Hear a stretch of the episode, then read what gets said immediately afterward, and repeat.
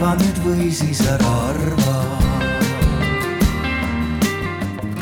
tere tulemast.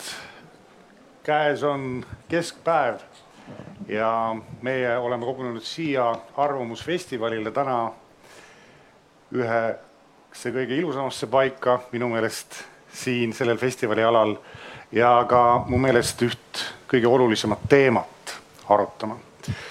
Mina olen Jaanus Rohumaa ja olen Ajaloomuuseumi juht. minu eelmised tegevused on olnud seotud Tallinna kultuuripealinnaga või siis Eesti Vabariik saja tähistamisega aga täna meil on kavas siis arutada teemal, kuidas Eesti lugu saab meid tugevamaks teha.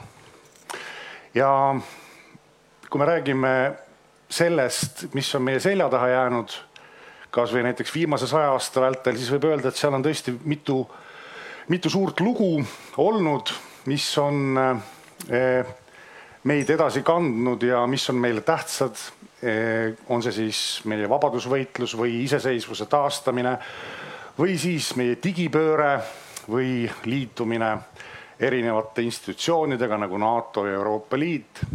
Aga nüüd on küsimus, et mis edasi, mis siis see järgmine suur lugu on. ja tegelikult vihje on sealsamas väiksel tahvlikesel, mida te võite pärast minna ja kaeda pärast meie esimest sessioonist, et tänases programmis on palju väga põnevaid arutelusid siin laval ja seal on maakera ja maakera peal on väikene Eesti ja siin on kirjutatud Eesti maailma rohepöörde keskus. ehk siis see ongi see, mm, mida ja mille üle me hakkame arutama, kas see võib nii olla, kas see on teostatav, kas see on tegelikult ka adekvaatne, kas meil on selleks mingi vundament või alus, kas me saame sellega hakkama ja õnneks ma ei tee seda üksi, vaid mul on täiesti erakordne seltskond sattunud siia ja meiega koos seda teemat on arutama tulnud siis kõigepealt Triin Vihalem, sotsioloog. Siis ökoloog Mihkel Kangur. kirjanik ja koolipapa Jaak Urmet. ja kirjanik ja seenevana Valdur Mikita. et, ähm, et aga nende asjade või lugudega või suurte ideede või plaanidega on alati see oht, et, et nad võivad olla liiga abstraktsed ja tegelikult mitte välja kasvanud olla ühiskonnast. ehk et sama lugu on selle roheteemagagi. et on ju ka väidetud, et see on eliidi poolt välja mõeldud, peale surutud projekt et sellel tegelikult ei ole mingisuguseid teaduspõhiseid vajadusi või et äh, see on järjekordne Euroopa Liidu välja mõeldud asendustegevus selleks, et äh, tavaliste ristiinimeste igapäevaelu häirida ja muuta see ebamugavaks. Et aga milline tegelikult on meie planeedi olukord ja Eesti olukord ja mis seisus me hetkel oleme? Mihkel, kas sa teeksid otsa selles osas lahti? jaa kas on sees, on jah? no selles suhtes, et äh, millises seisus on meil äh, maakera, on äh, informatsiooni teaduslikus mõttes kogunenud ju tohutult pikka aega. lihtsalt üheks näitlikustamiseks, et aastal tuhat üheksasada kaksteist ilmus ühes väikeses tehnoloogia ajakirjas uudisnupp selle kohta, et kui inimkond jätkab fossiilsete kütuste kasutamist, siis see viib ühel hetkel kliima soojenemiseni seda loetakse esimeseks selliseks avalikus ajalehes ilmunud uudisnupuks selle kohta, et fossiilsete kütuste kasutamisel ja kliima soojenemisel on väga selge seos, mida teadlased teadsid juba pikemat aega Äh, ja tolles väikses uudisnupus öeldi, et, et see võib muutuda ohuks järgnevate sajandite jooksul. nüüd selle saja aasta jooksul praktiliselt iga kümnendiga on kasvanud meil fossiilsete kütuste kasutamine ja see võib muutuda meile probleemiks, on tulnud järjest ja järjest lähemale et me ei räägi enam mitte sajanditest, me ei räägi isegi mitte enam aastakümnenditest, vaid osade teadlaste arvates see nii-öelda murdepunkt on tegelikult juba ületatud ja meil justkui ei ole noh, midagi, midagi enam nagu sellega teha. kliimamuutused on samas ainult üks aspekt selles, me ei tohi iialgi ära unustada, et, et kliima on nagu see, kui te tunnete ennast haigena ja siis te võtate kraadiklaasi ja saate teada, et, et noh, et, kas teil on siis üle kolmekümne seitsme või on alla kolmekümne seitsme. see number ütleb teile lihtsalt, et midagi on teil seal viga, mis täpsemalt see on võib-olla väga palju põhjuseid ja kliimamuutused iseenesest on selliste eh, inimkonna poolt maakera taluvuse piire ületavatest teguritest oma ohtlikkusest või oma seisundist alles viiendal kohal. talle eelnevad siis bioloogilise mitmekesisuse hävimine, keemiline reostatus, eh, suurte oluliste geokeemiliste aineringete väga jõhkrad muutused, nagu näiteks lämmastiku ja fosfori, siis maakoore muutused, kogu maasüsteemi muutused, selle hulgas siis ka veerežiimi muutused. ehk et maakera põleb mitmest otsast hereda leegiga. selge, et nüüd on iseküsimus see, et, et kas meie, meie rahvana, Eesti rahvana, eestlastena ja need, kes me siin sellel maal elame, mm, võib-olla oleme sellises enesetunnetuses äh, ka viimase saja aasta jooksul tegelikult väga palju muutunud.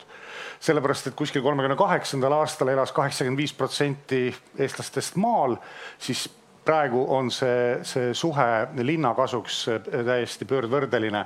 ehk et, et suurem osa rahvast on kogunud äh, ja kolinud linnadesse, me oleme muutunud linnarahvaks, urbaniseerunud ja võib küsida, et, et kas sellest piisab, et me paar korda nädalas rabas jalutamas käime, et, et nimetada ennast eh, looduslähedaseks rahvaks, loodust mõistvaks rahvaks ja rahvaks, kes võiks hakata vedama ülemaailmset rohelist revolutsiooni. Valdur, kuidas sulle tundub, milline see eestlase enesetunnetus on ja milline on tõde? Ja kui seda teaks, milline see tõde on, siis ei peakski siin ilmselt istuma.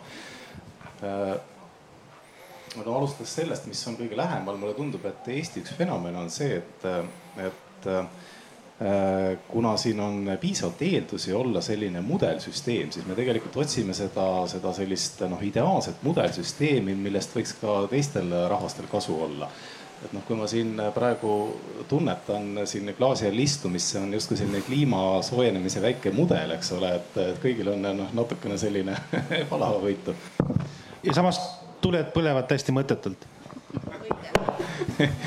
jah, aga no seda enam, eks ole, et see just näitabki, et tegemist on mudeliga, et alati on kusagilt veel noh, võima-, võimalik teha üks, üks samm nii et, et selles mõttes noh, kui küsida, üritada vastata sellele lihtsale küsimusele, kas eestlane on loodusrahvas, siis siis küsimus on alati selles, et kellega me ennast võrdleme, et võime võrrelda nendega, kes on päriselt loodusrahvad, võime võrrelda nendega, kes on juba ammu üle tsiviliseerunud. minu meelest see ei olegi väga oluline, et küsimus on pigem noh, sellises kires võib-olla sellises äh, kultuurilistes eeldustes ja lõpuks ka noh, ütleme piisavas hulgas sellises kriitilises massis ehk siis tarkades inimestes. ja kui need kõik kokku saavad, siis minu meelest kõik need eeldused sellele küsimusele vastata positiivselt, jah, me oleme ikka loodusrahvas, on täitsa olemas. jah, et ähm, kui me mõtleme enda peale, et, et meie, kes me kunagi viisime läbi eh, projekti nimega või ettevõtmise nimega Tiigrihüpe, mis siis tähendas tegelikult eh, nii-öelda ühiskonna massilist digitaliseerimist.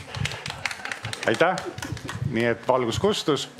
Ja ja tegelikult ei tehtud seda sellepärast, et eestlased armastavad hirmsal kombel arvuteid või, või nutiseadmeid või, või, või digitaliseerimist kui sellist, vaid see oli lihtsalt hädavajalik, see oli praktiline vajadus sest et nii väikse ühiskonna ja piiratud ressurssidega me pidimegi otsima nutikaid lahendusi ja nüüd siis on küsimus selles, et, et, et kas need praktikad, mida me praegu oleme nii-öelda läbi viinud ja evinud ja toimetanud, et ähm, kas me teeme neist puhtast südamest või, või, või oleme me võtnud sisse väljaspoolt mingeid mõjusid. et Jaak, et sina kui inimhingede insener ja anatoom, et ähm, et kas, kas eestlased on seda sisu ja, ja, ja tegelikku usku ja arusaamist selleks, et, et, et rohepööre on vältimatu?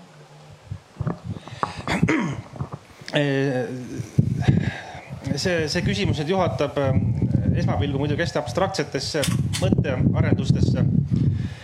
ma, kui mind niimoodi nimetati inimhingede anatoomiks, noh, see on väga armas termin siis küsiks kohe, et mis see eestlane nagu täpselt on või kes see eestlane on, et sellist abstraktset ilusat eestlast nagu mingil vanal kommikarbil, et on rahvarõivastes neiu ja kõrval on Kalevipoja taoline mees mõõgaga ja siis neil on patsid ja asjad.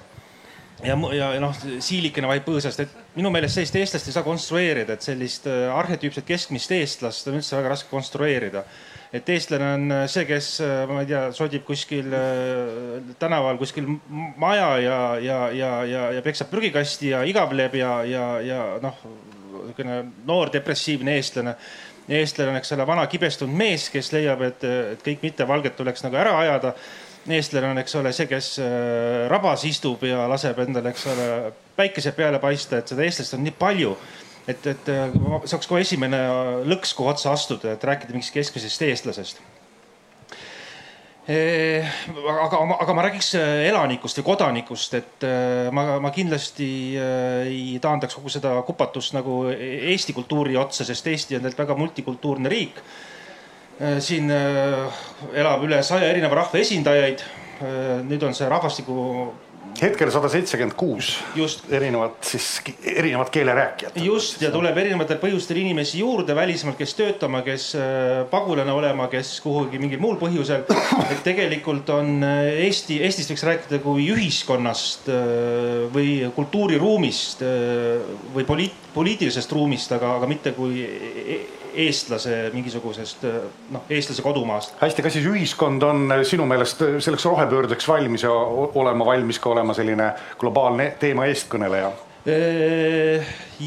Jah, ma arvatan, et ühiskonna osake on ikkagi kodanik ja kodanik, Eesti kodanik on väga vastuvõtlik igasugusele sõnumile ja loosungile, et kui talle öeldakse, et valideeri kaart, siis ta valideerib kaardi, kui talle öeldakse, et et noh, ära põleta lõkkes diivanit, no siis ta ei põleta lõkkes diivanit. Ja et kui talle öeldakse, et vii taara taara punkti, siis ta viib taara taara punkti, et ma arvan, et Eesti kodanik on väga dresseeritav Äh, sellise mm, äh, noh, ütleme, ta on nagu viidav sellise eesmärgi poole, nagu me siin praegu kõik, eks ole, sihiks seame. jah, ta on. nii äh, kuidas on läinud teistel riikidel, et me praegu on selge, et me ei saa siia ehitada sellist isoleeritud oaasi või paradiisi järgmise neljakümne aasta jooksul et, et luua siia uus, uus ühiskonnakorraldus ja, ja elamise muster. et ähm, millised, milliseid praktikaid on, on viljeletud rahvusvaheliselt ja teistes riikides või milline on rahvusvaheline kogemus sedalaadi pöörete või kampaaniate suhtes, et viimane teade tuli vist Sri Lankalt kus, kus siis ka valitsus lakkas täielikult olemast ja Sri Lanka siis viis läbi kolm aastat tagasi ka rohepöörde enda riigis väga radikaalse, aga tulemused on nüüd näha. Triin, et mis toimub maailmas ja kuidas Eesti sellesse paigutub?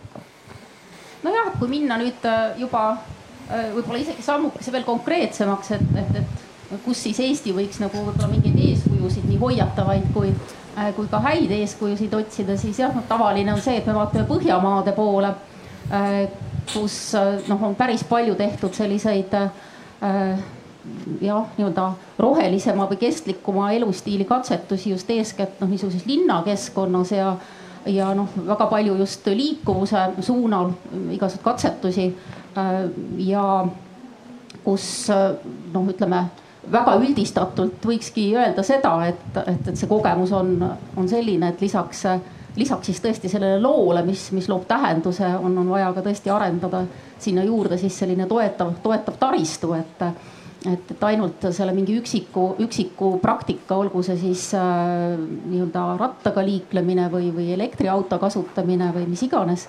et, et ainult äh, üksinda sellest äh, me seda maailma ei päästa äh,. päris huvitavad arengud tegelikult, kuhu ka võib-olla Eestil tasub vaadata, kui, kui tõesti otsida seda sisu sellele loole äh,, on muidugi kogu, kogu selline nii-öelda Äh, selles mõttes jagamismajandus, et, et mitte siis omamine, vaid, vaid tõesti kasutamine, erinevate siis ligipääsude äh, nii-öelda ostmine selleks, et tõesti omada asju, vaid pigem neid siis nii-öelda laenata või, või kasutada neid vastavaid teenuseid.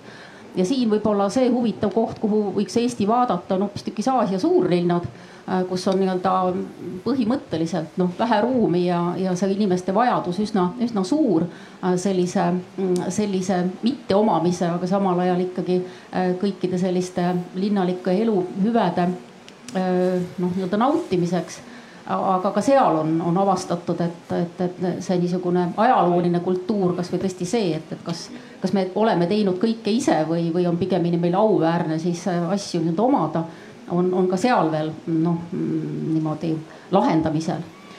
ja võib-olla see, kuhu veel, veel vaadata äh, natukene on, on, on kahtlemata äh, sellised suured piirkonnad, kus on siis tehtud tõesti sellisest fossiilsetelt kütustelt siis üsna järsk üleminek.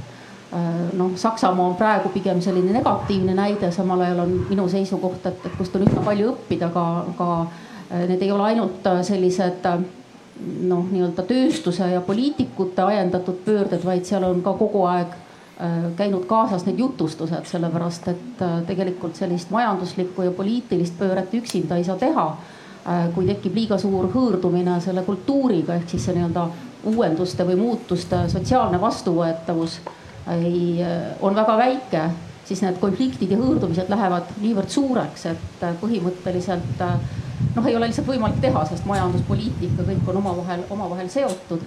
Et, et selles suhtes ma arvan, et Eestil on neid äh, jälgimise kohti küll ja pigemini noh, väga üldistatult öeldes, no kui me vaatame tänast päeva, siis pigem on, on, on kohti, millel nii-öelda silm ja näpp peal hoida ja vaadata, et, et kuidas, kuidas seal läheb, millised, millised lood on, on seal neid äh, nügimisi äh, ja, ja katsetusi saatnud ja mida, mida Eestil tõesti sealt õppida tasub aga ütleme, kultuuri võib defineerida kui praktikate kogumit, eks ju, ja, ja nüüd ongi see, et, et et need praktikad äh, siiski äh, erinevalt minu meelest Jaagu väga lennukast mõttest, et eestlased on väga kergelt manipuleeritav rahvas on siiski, nad juurduvad üsna pikka, pika aja jooksul üsna aegamisi, kasvõi see, et, et kui liikluses on sebra, siis võttis aastakümneid, et, et sa, autojuhid hakkaksid mõistma, et see on mõeldud selleks, et ma peatun ja lasen jalakäija üle tee. Nüüd on see enam-vähem juurdunud eh, kolmekümne aasta jooksul, aga, aga millised, milliseid praktikaid eh, me oleme viljelenud ja milliseid praktikaid me peaksime kohe hakkama viljelema, Mihkel? üks, millega me peame arvestama, on see, et, et ega meil mitte kellelgi ei ole tegelikult äh, olemas valmis retsepti selleks, et, et mida ja kuhu me tegema peaksime hakkama äh, igasuguste uute praktikate ülevõtmisel välismaalt tuleb ka alati olla ettevaatlik, nendest saab alati inspireeruda. aga see, mida me meeles peame pidama, et, et kui me tahame luua sellist kultuurilist pööret ehk et nii sügavat pööret, et see mõjutab juba meie kultuuri ka, siis see peab lähtuma siinsetest keskkonnaoludest, meie keel, meie kultuur, kõne, kiri, kõik see kannab endas Äh, märke äh, selle kohta, milline on meie maastik, meie maastikus, meie keskkonnas toimuvate fenomenide kohta ja ainult meie keel ja kultuur oskab kirjeldada seda, äh, kuidas selles keskkonnas toime tulla. ehk et seda ülevõtmist väga hästi toimuda ei saa. aga samas see vaim annab meile siis põhiseadusliku kohustuse selle teemaga tegeleda, et, et meie peamiseks eesmärgiks on tagada keele ja kultuuri säilivus siin eh, maanukas. ja see saab säiluda ainult siis sellisel juhul, kui selleks on olemas soodne nii looduskeskkond kui ka siis sotsiaalne majanduslik keskkond, et seda tagada. sotsiaalmajandusliku keskkonnana, kui Euroopa Liit, USA, Jaapan, nüüd siis uue valitsuse all ka Austraalia on liikumas selles suunas, et jah eh, rohepööre on paratamatu, see tuleb ära teha, sinnapoole on hakatud liikuma, see võtab aega, need asjad ei juhtu väga kiiresti, siis noh, meil ei ole mõtet nagu hakata siin arutlema, et, et kas selleks on aega, kas selleks on võimalust võib-olla me võiksime siin nagu võtta eeskuju natukene meie edulugudest startup'i maailmas. et, et lahendame neid probleeme, mis üles kerkivad siis, kui need üles kerkivad. et, et ärme ürita ära planeerida kõike seda sammude jada, mida me nüüd tegema peaksime. et, et, et sinna kohale jõuda, vaid noh, teha ära hakata lihtsalt pihta, hakkame pihta ja teeme ära. et äh, äh, ja üks mõte võib-olla siia veel juurde, et, et selle asemel, et äh, otsida ja taga ajada võib-olla ühte käitumisjuhist, oleks meil mõistlik võib-olla liikuda selles suunas, et me oleme geograafiliselt küll väike või ruumi mõttes suhteliselt väike, kuid geograafiliste tingimuste, loodustingimuste poolest ülimalt variatiivne, mis on noh, väljendunud ka meie rahva väga mitme, suures mitmekesisuses.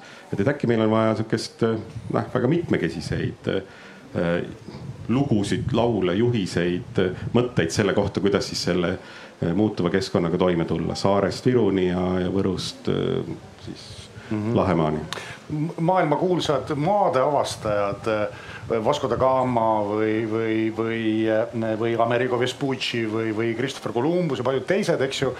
Mm, nad tegelikult see, mis neid kannustas või mis need laevad merele viis, ei olnud niivõrd soov avastada uusi kontinente, kuivõrd tuua kuningale kulda et eh, mis siis meil selle rohe, mis siis meid ootab seal rohetunneli lõpus või mis Eldorado või milline on see para, paradiisi kirjeldus, kus me siis eh, elama hakkame, Valdur, kui me kõik need õig-, asjad oleme õigesti ära teinud.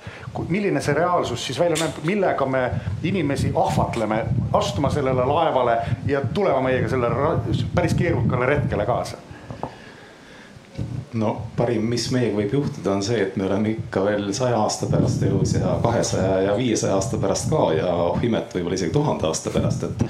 et see on ju see suur ilus mõte, mis meid paneb ikkagi tegutsema tuleviku nimel. ja noh, kui laias pildis vaadata, siis ega noh, suure maakera olukord on ikkagi piisavalt kehv, et, et uskuda vähemalt sellesse, et mõnes mõttes elamine parasvöötmes on ka juba selline väike noh, ütleme lotovõit. et seda ei tohiks ka niisama lihtsalt kõrvale jätta, et, et see kindlasti on, mille peale mingeid asju ehitada. ja see võib-olla ei ole jah konkreetse küsimusega seotud, aga noh, mingil põhjusel kuna noh, kirjanduses võib inimesi jagada nagu kaheks, et need on, kes on, eks ole, Tammsaare fännid ja need, kes on Kalevipoja fännid, et mina kuulun nende teiste hulka. et ma olen ikka mõelnud selle kummalise fenomeni peale, et mida see Kalevipoeg nagu tegi Äh, noh, ma siiski kuulun nende inimeste hulka võib-olla nii nagu Douglas arvas, et kui nüüd äh, kirjaniku pilguga vaadata, siis on tegemist kunstiliselt üsna nõrga tekstiga. et noh, kuidas on võimalik, et sellisest jamast äh, sünnib midagi nii suurt ja ilusat, no see ongi suur paradoks ehk siis noh, mõnes mõttes on see ka julgustav, et, et tegelikult tõesti nii nagu ka Mihkel ütles, et, et üritada alguses noh, ütleme sõnastada see väga võimas eesmärk või, või teha noh, midagi eh, noh, ideaalselt valmis ei ole võimalik, et kui nael läheb kõveraks, siis tuleb ta sirgeks lüüa ja uuesti seda edasi taguda. et noh, mingisugune selline noh, usk eh, poolikutesse asjadesse on ka nagu väga-väga oluline. ja noh, võib-olla, et sa, Jaanus, ei jääks ainult nagu küsija rolli, et sul on tegelikult nii suur noh, kogemus ka selle praktikaga, mis puudutab noh, Eesti Vabariik sada, kõikide nende lugude noh, endas sellise kaalumisega ja, ja kui sa noh, sa võid vastata ka hiljem, aga see on lihtsalt selline küsimus, mis ei ole retooriline mm, -hmm. et, mhm. et kui sa noh, ütleme selliste lugude väljamõtlemise poole pealt oskad midagi tänasesse konteksti üle tuua, siis ole hea, et see on nagu küsimus siis minu poolt mm. -hmm sellega, selle Eesti Vabariik sajaga on nõnda, et see tegelik see eesmärk, kuhu me liikusime, oli äh, vabastada äh, meid iseennast äh, mõnedest lõksudest, kuhu me olime jäänud kinni. ehk siis, kui me lõpuks selle EV saja puhul sellest torust välja tulime, siis meie nagu plaani järgi pidime me olema muutunud meie riik oleks pidanud, on muutunud enesestmõistetavaks.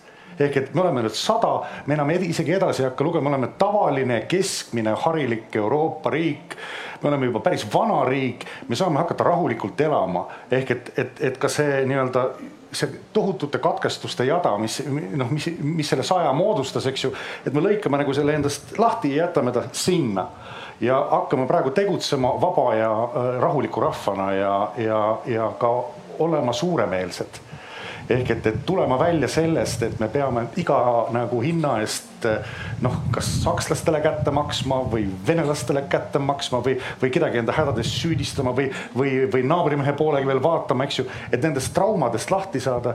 Ehk et, et, et normaalne elu, tavaline elu, igapäevane elu, loov elu ongi ülim eesmärk.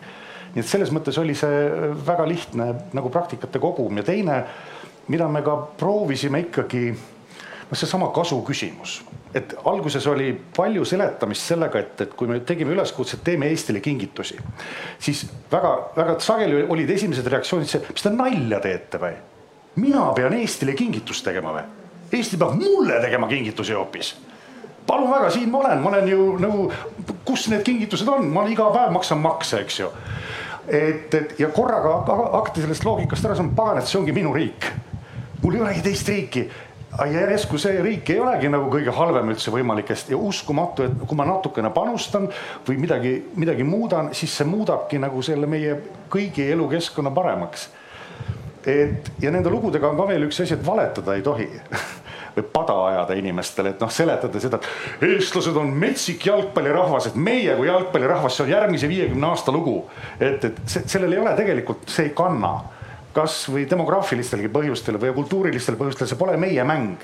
meil ei ole mõtet niimoodi ennast nii-öelda aheldada selle konksu külge järgmiseks viiekümneks aastaks öelda, meie kõige põhilisem eesmärk on saada maailmameistriks jalgpallis. noh, seda see ei juhtu jah, Mihkel ja ei, ma tahtsin, mul õudselt haagib siit kohast nüüd, kuhu see arutelu nagu viib, et äh, see Eesti riigi ühest küljest nagu mõistetavus, enesestmõistetavus, et see, no see on normaalne, loogiline asi lihtsalt.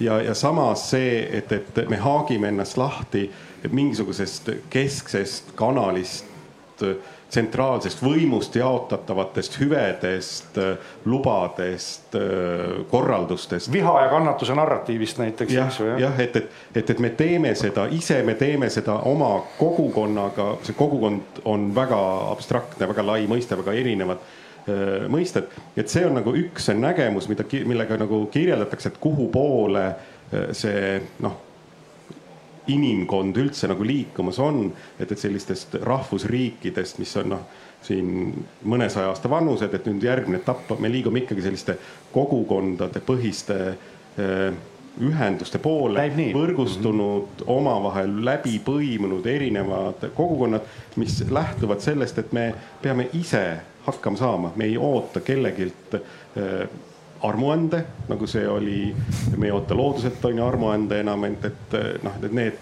need mõtteviisid peavad lõppema, meie mhm. ise teeme, tagame enda julgeoleku, enda heaolu.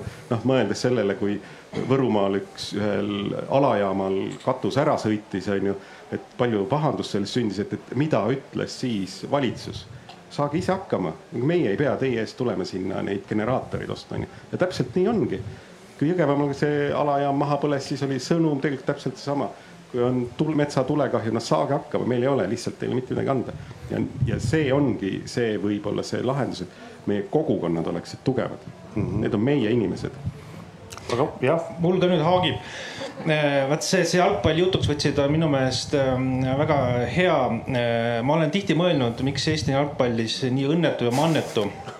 ma arvan, et Eesti võib saada jalgpallirahvaks, aga jalgpall kui meeskonnamäng ja selline väga ründav meeskonnamäng näitab tegelikult äh, ära mingit noh, selle mõttega võib mängida, ütleme semiootiliselt. et Eesti jalgpallis puudub nagu selline enesekindlus ja kirg rünnata, peale minna, ära teha et Eesti jalg, parimad jalgpallurid on ju läbi aja, eks ole, kaitsjad, eks ole, Mart Poom, eks ole, väravavaht, eks ole, Ragnar Klavan kaitsja. et istume kaitses, teeme suure seina ette, äkki siis ei tule õnnetus peale, äkki meil ei lööda ära, meie oma seisva palli momentidest äkki saame oma ära teha. no vot ja see illustreerib ka natukene sellist Eesti võib-olla äh, ühiskonda, et, et, et, et puudub selline äh, pealelendamise enesekindlus, et, et, et kuidagi, kuidagi seal selle kodaniku, eriti eestlase just sees elab mingisugune selline olevus, kes ta kogu aeg tagasi hoiab ja takistab, ütleb, et sa ei suuda, sa ei jaksa, et sa oled sihuke, sa, sa ei saa hakkama. naabrid ka mõtlevad pärast pahasti ja kes, mis sa seal sibad ja mis sa seal teed ja pärast kogu maailm vaatab ja kus see kõlbab ja parem siin heegeldan pitsi aga, aga just, et see, seetõttu jalgpall ei olegi meie mäng. aga, aga miks mitte, miks see võiks olla, sellepärast näiteks äh, Taani, Belgia, Island. Nad ei ole suuremad pindalalt kui Eesti, nad on ülivõimsad jalgpallikaardil ütleme Island, seal pole üldse inimesi, seal kogu jalgpallikoondis koosneb põhimõtteliselt üksteise sugulastest et ja nad on ometi MM-il väljas, et äh, neil on just olemas see äh, kirg, tahe, enesekindlus, et me lähme, me teeme ära, et me, me oleme siin selleks, et minna läbi suruda oma võit.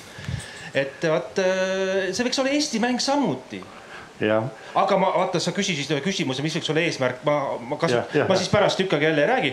aga see, et võiks, eesmärk võiks olla nagu lähtuda sellest, et kes saab kasu, et ma ja. ei hakka, eks ole ma, ma noh, ma viskan rehvi rahulikult lõkkesse, eks ole, kui ma ei mõtle selles kontekstis, eks, et ma saan kasu. et kui sisse sugereerida Eesti ühiskonnas, et äh, kasu saab minu lapselaps. et see on juba väga isiklik kasu et äh, tema oma laps juba näed, et tema saab ka osa sellest jüvest, et puu kohiseb, päike paistab ja talvel on lund.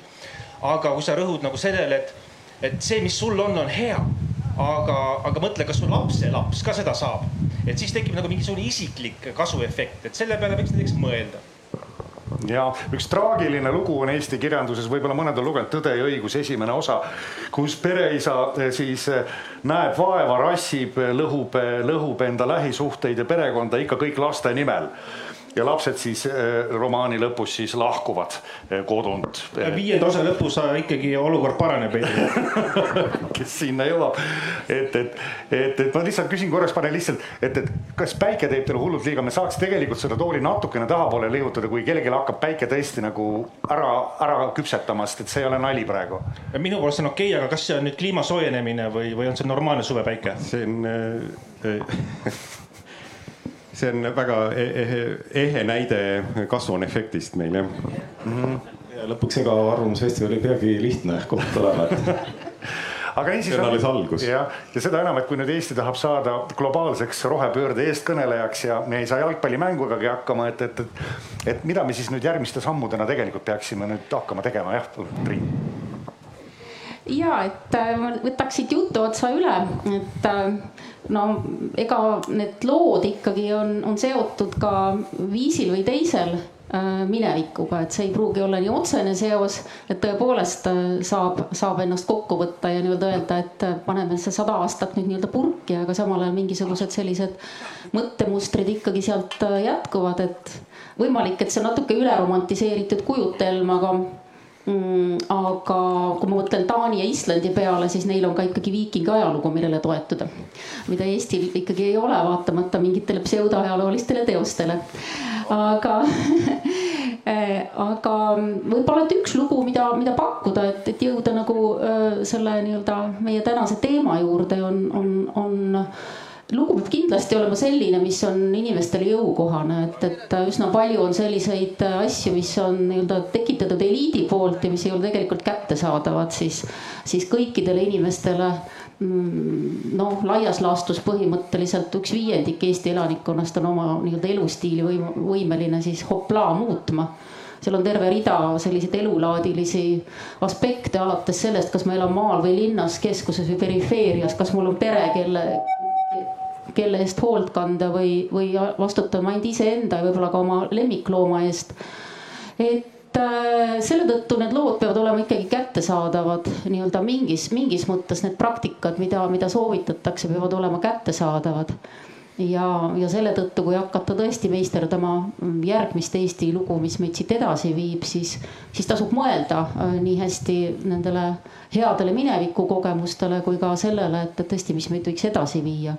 üks mõte, mis mul tekkis, on, on see, et et noh, see tõesti see tiigrihüppe lugu, et noh, mida ta sisuliselt oli või, või milline, milline oli see muster, millele see toetus, natukene siin äh, Valdur rääkis Kalevipojast, et, et see on see serviti löömine, eks ole, et noh, et miks, miks minna siis korralikult seda juba ette tallatud rada mööda, kui võib minna otse põhimõtteliselt tiigrihüppega, me seda ju tegime, jätsime mingit tehno-, terve rea tehnoloogilisi äh, jamasid, ma ei tea, alates Tšeki raamatutest ja kõigest millest, eks ja, ole, ja me läksime otse. kui juba jumal ükskord sulle faksi on andnud, eks siis, siis seda sa ka kasutad. et, et võib-olla siin oleks ka samuti, et oma abstraktset mõtet võib-olla natukene konkretiseerida, ma toon lihtsalt ühe sellise teema, mis tundub, et ei ole väga nagu seotud nüüd otseselt keskkonnasäästuga, aga tegelikult ta siiski on, on, on maailma noh, nii-öelda arenenud riike ikkagi üsna tugevalt tabanud oskusvaesumine.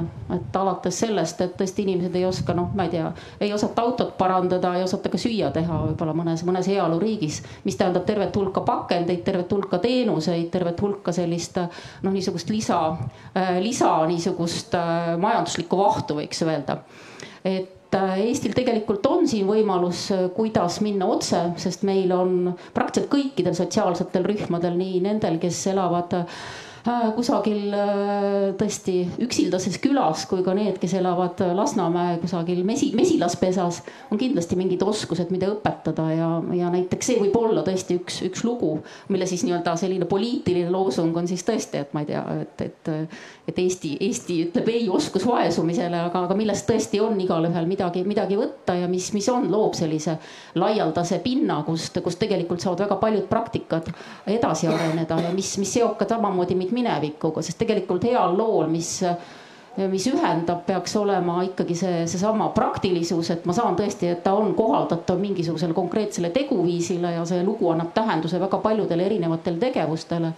ta ei tohiks neid sotsiaalseid nii-öelda barjääre ehitada, vaid ta peaks olema kõigile mingil viisil kättesaadav ja ta peaks olema nagu mingit ankurdamise efekti ikkagi omama, sest, sest minevik on ikkagi see, millest kõik rahvused, see on rahvuse noh, nii-öelda noh, põhi, põhiomadus, et ta ikkagi toetub mingile, mingile mineviku, minevikuloole, aga, aga lihtsalt need muutumised on teinekord kaunis lennukad. kümme aastat tagasi juba Hiiumaal oli üks turismitalu, kes kes pakkus kahesaja euro eest ööpäevas saksa turistidele varianti, et ta saab natukene niita vikatiga, magada lakas heinte peal, koorida noaga kartulit ja, ja siis minna seenele et, et, et see oli siis selline luksustoode, et, et, et tegelikult me saime esimese vastuse kätte, et Eesti siis kui selline oskusvaesumise vastane kompetentsikeskus või.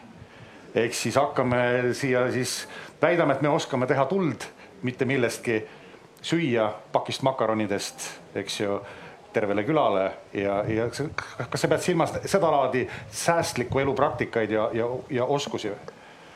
et kirjelda palun veel neid praktikaid peale selle nüüd, et et kaevust vett osata näiteks võtta kooguga või? No ja, ja noh, muidugi, kui me räägime siin praegu erinevatest kriisidest, tõesti kriisidest, kuna siin oli vihje sellele alajaamale, et, et tõesti, ega, ega see on näiteks Eesti inimeste seas on väga suur usk sellesse, et, et mida suurem häda, seda kiiremini tuleb abi, tegelikkuses on vastupidi et, et mida suurem jama, seda, seda aeglasemalt tuleb igasugune abi ja sa pead tõesti ise hakkama saama ja seda on erinevad uuringud näidanud.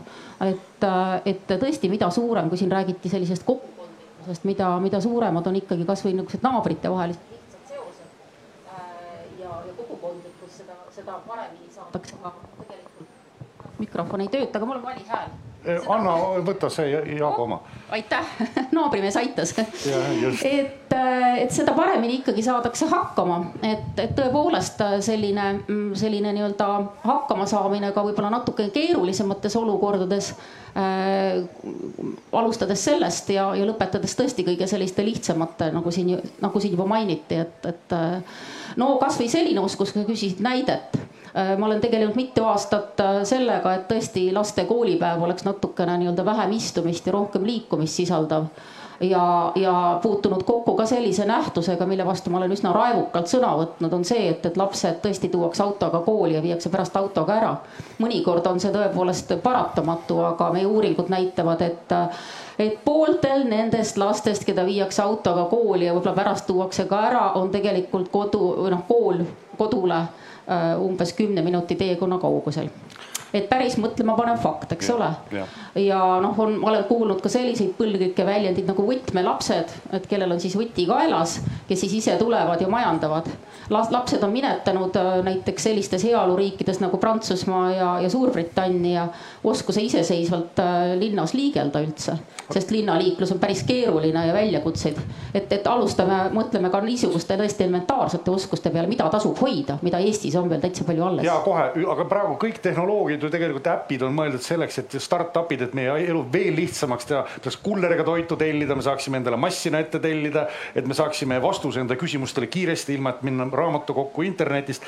kas siin pole praegu vastuolu, et kuhu, kuhu siis kaob meie tohutu tehnoloogia usk, mis aitaks seda rohepööret teostada, kui me räägime sellistest pigem neoliitilistest praktikatest, mida nagu me siin viljeleda tahame, kas siin ei ole vastuolu? Mihkel inimkonna ajaloos meil ei ole tuua mitte ühtegi näidet mõnest suurest tehnoloogilisest muudatusest või üldse mingisugusest tehnoloogilisest muudatusest, mis oleks viinud inimkonna jalajälje vähenemiseni. et siin äh, paratamatult äh, tuleb mängu Jevonsi paradoks, et äh, mis, mis sööb selle võimaluse ära, noh tavaliselt tuuakse mulle näiteks LED-lambid Äh, mis pidid tohutult vähendama meie elektritarbimist, mille tulemuseks on meie üldine see elektritarbimise tohutu kasv. kuna LED-lampe saab panna lapsele tossude sisse ja täita terve maja sein LED-lampidega, siis nad on niivõrd odavad, nad võtavad niivõrd vähe elektrit, mõelge on ju ometigi mm. -hmm. et see mugavamaks tegemise, äh, et noh, koht noh, triivib meid natukene eemale sellest eesmärgist ja ta kindlasti muudab meid sõltuvaks taas sellest noh, kellestki meist väljaspoolt meie kontrolli all mitte olevast noh, näiteks elektritarnijast. et, et selliste praktiliste näidete nagu äh, abil sinna või sihukeste tegevusjuhiste abil sinna rohepöördeni jõudmise puhul selliseks noh, natukene vastandnäiteks sellest, siin ma kasutan seda äh, Eeva käivitatud äh, prügi koristamise no, aktsiooni. see on üldse vist, ma arvan, üks kõige ägedamaid lugusid, mida üldse eestlased enda kohta võiks rääkida. ja e, et, et kui me anname inimesele võimalusele käituda hästi ja teha midagi hästi, siis ta teeb seda ja ta teeb seda pühendunult ja veel siiamaani ikka veel me koristame. aga me ikka veel koristame neid metsaaluseid, endiselt veel ja see, et, et me anname inimesele võimaluse koristada metsa alt prügi ära, ei anna talle seda mõtet, et aga äkki ma ei peaks nii palju träna endale koju tassima vot et siin, siin tekivad need, need vastuolud, et meie haridussüsteemis me kipume ka andma niimoodi väga selgeid praktilisi juhiseid, kuidas tegutseda. muide, Tammsaare meenutamine tuletas mulle meelde, igaüks saab minna vaadata äh, meie gümnaasiumi riikliku õppekava paragrahv kaks punkt kaks vist, kui ma õigesti mäletan, mis ütleb, et äh, meie haridussüsteemi eesmärgiks on tagada inimese õnnelik olemine määral, mis on vajalik majanduskasvuks ja inimressursi taastootmiseks. et, et Tammsaare on meil kirjutatud korralikult äh, gümnaasiumite õppekavasse sisse. see on, Eesti on olnud ju aastakümneid äh, kestliku kahanemise musternäidis. et me oleme demograafiliselt kogu aeg kõver olnud alla, korraks me nüüd on tõusnud viimastel aastatel, eks ju, aga üldiselt me oleme sellise tõesti kestliku kahanemise musternäidis, aga kui me mõtleme selle peale, et, et, et see õnnetu planeet on pidanud selle saja aasta jooksul, ta alustas ühe miljardi eh, homo sapiensiga ja nüüd on neid kaheksa ja pool vist, eks ju. kaheksa. kaheksa jah, siis see on ju ogar, ogar kasv, eks ju. et kas see väike Eesti suudab sellele kasvule piir panna või, või kas see ei kõla, kõla kuidagi ebaeetiliselt ja küüniliselt hoopis, et, et me siin hakkame rääkima sellist eugeenilist juttu või, või, või, või, või, või korraga, et kas inimkond saab ise sellest aru või, või, või, või see rong ikkagi põrutab edasi sinna selles suunas kus ta praegu kihutab, mis, mis tajud teil on, Triin ja Mihkel? no siin on nagu väga erinevaid arvamusi on ju, et, et on, on neid arvamusi, mis ütlevad, et inimesed on oma sisemuselt hea ja kui neile anda võimalus käituda hästi oma ligikaaslastega, teiste eluta elusate olenditega enda ümber, et siis ta seda ka teeb teisalt on äh, näiteid meil pigem ajaloost võtta rohkem neid, kus inimene ei ole õppinud nendest katastroofidest.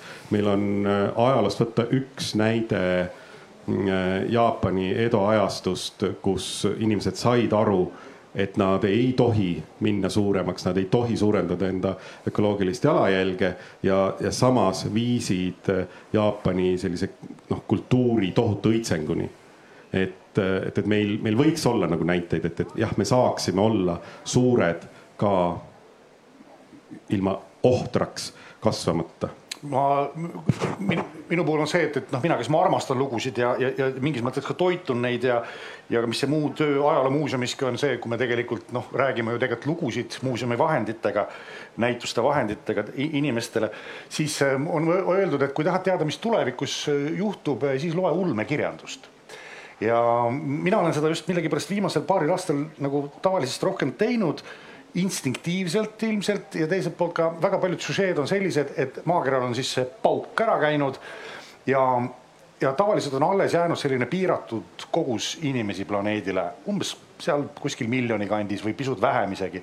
ja millegipärast need ellujääjad on tavaliselt kas Põhja-Ameerika pärismaalased või on nad ütleme inuitid igal juhul on need, kes on ellu jäänud põhjarahvad ja, ja nii-öelda sellise tugeva pärimusliku juurega rahvad kirjanike meelest.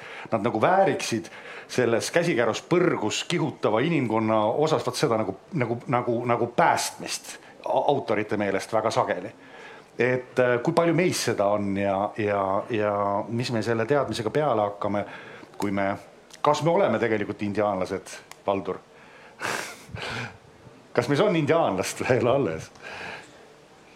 ja no äh, kui nüüd ikka veel sellele Tammsaarele mingi punkt panna, siis ärme unusta, et tegemist on ikkagi viiekõitelise soo kuivendamise käsiraamatuga. aga hea uudis on see, et meil on äh, maad ja sood, mida kuivendada. Äh, ehk siis vastat, üritades vastata sinule, sinu küsimusele noh, kindlasti selline üle, tsiviliseerumine on äh, nagu erakordselt suur oht, ma arvan, et sellest äh, saavad kõik aru äh, noh, samas, kas pidada lotovõiduks seda, kui sa oled sündinud sinivetikana, eks ole, kes või mis on, eks ole, kaks miljardit aastat jäänud täpselt samasuguseks ja ilmselt jääb ka miljard aastat peale meid samasuguseks, et noh, kas on, mida nüüd tahta, kas on. mida ihaldada jah. ja, et seda, seda ma ei tea aga selles mõttes on küll õige, et äh, mis on Eestis, ärme unusta ikkagi üks väga-väga suur ressurss. Äh, täpselt, täpselt see ongi, et meil on palju tühja ruumi, mida me noh, võib-olla ei peakski täis ehitama, täis mõtlema, täis looma, et, et see, et see tühjus ja vabadus ja tõesti äh, noh, lihtsalt ruum, olemise ruum on ikkagi erakordselt nagu oluline, oluline oluline asi ja noh, mõnes mõttes ka kuidagi kõlab väga hästi kokku sellise noh, Jaapani, Jaapani meelelaadiga.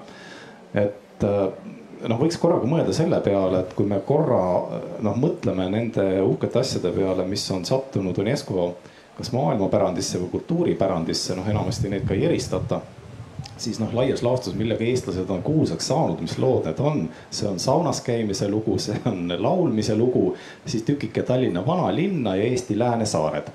no ja Haabias ka, eks ole, et, et äh, jah, ja üks noh, erakordselt huvitav idee, kuidas, eks ole, maakera ära mõõta Struve poolt. et on erinevaid võimalusi, aga, aga, aga see näitab ka seda, et Eh, noh, ütleme, et see, see pauk võib mõnes mõttes alati tulla ka luuavarrest, et eh, noh, seesama mõte, et me peaksime säilitama ka sellist mõnusat mitmekesisust. ja kindlasti on see Teeme ära ja maailmakoristuse lugu minu meelest eh, erakordne, see käib väga hästi kokku selle kingituste andmisega, sest enamasti eestlased on ajaloos ennast suutnud mobiliseerida siis, kui on tegemist väga-väga suure vaenlasega aga sel korral, kui prügi koristati, see prügi ei olnud mitte vaenlane, vaid ta oli mingisugune selline noh, kogukonda liitev element, et see oli nagu kingitus.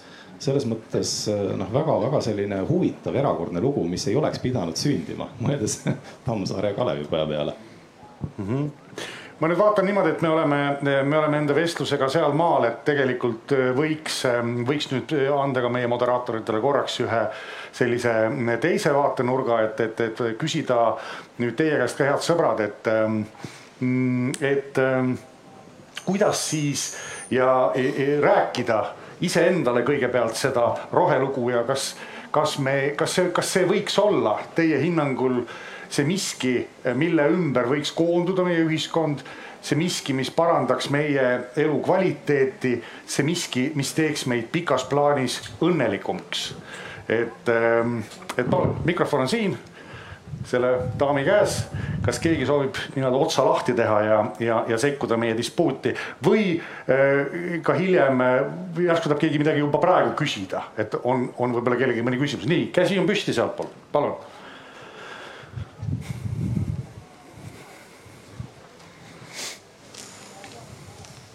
Tere, aitäh.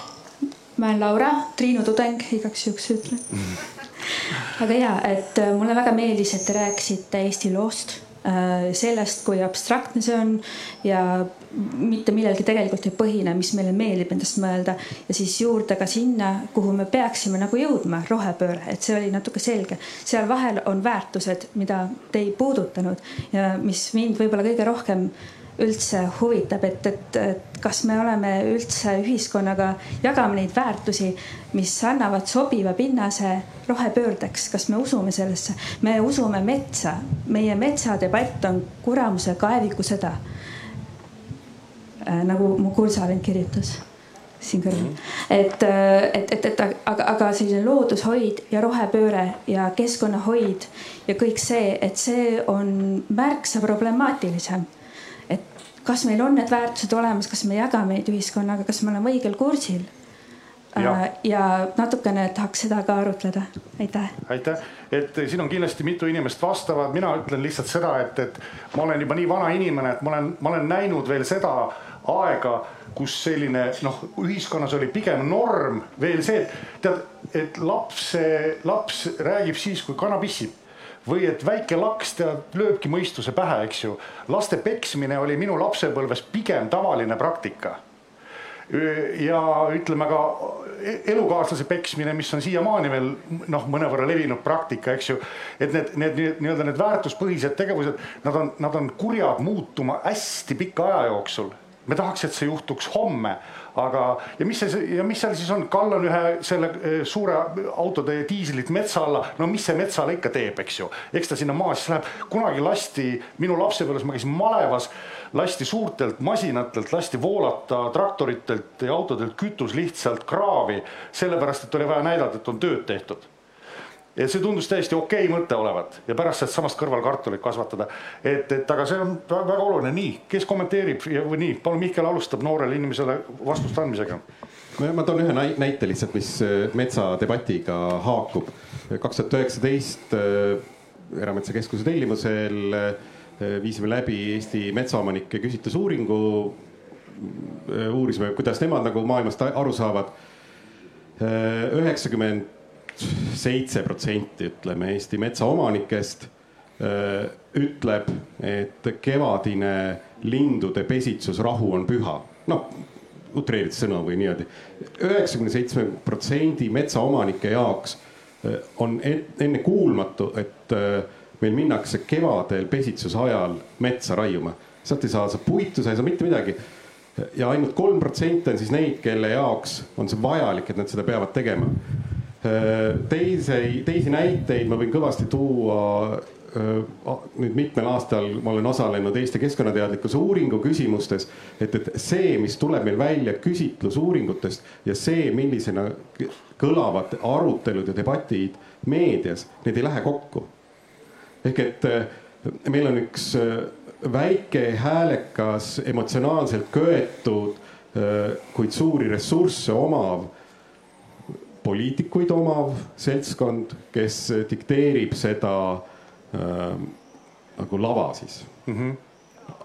et, et, et tegelikult see pilt võib olla palju-palju teine. noh, Covidi ajal me nägime ka, et, et üks seltskond nõudis sissepääsu kohvikusse, kus praegust nüüd mitte keegi enam ei käi küll millegipärast Vana-Kalamaja tänaval, kus ma äh, elasin, aga et, äh, et, et see dikteeris selle pildi, et, et oo, me oleme tohutult äh, teadusvastaline ja, ja kõik ja nii edasi.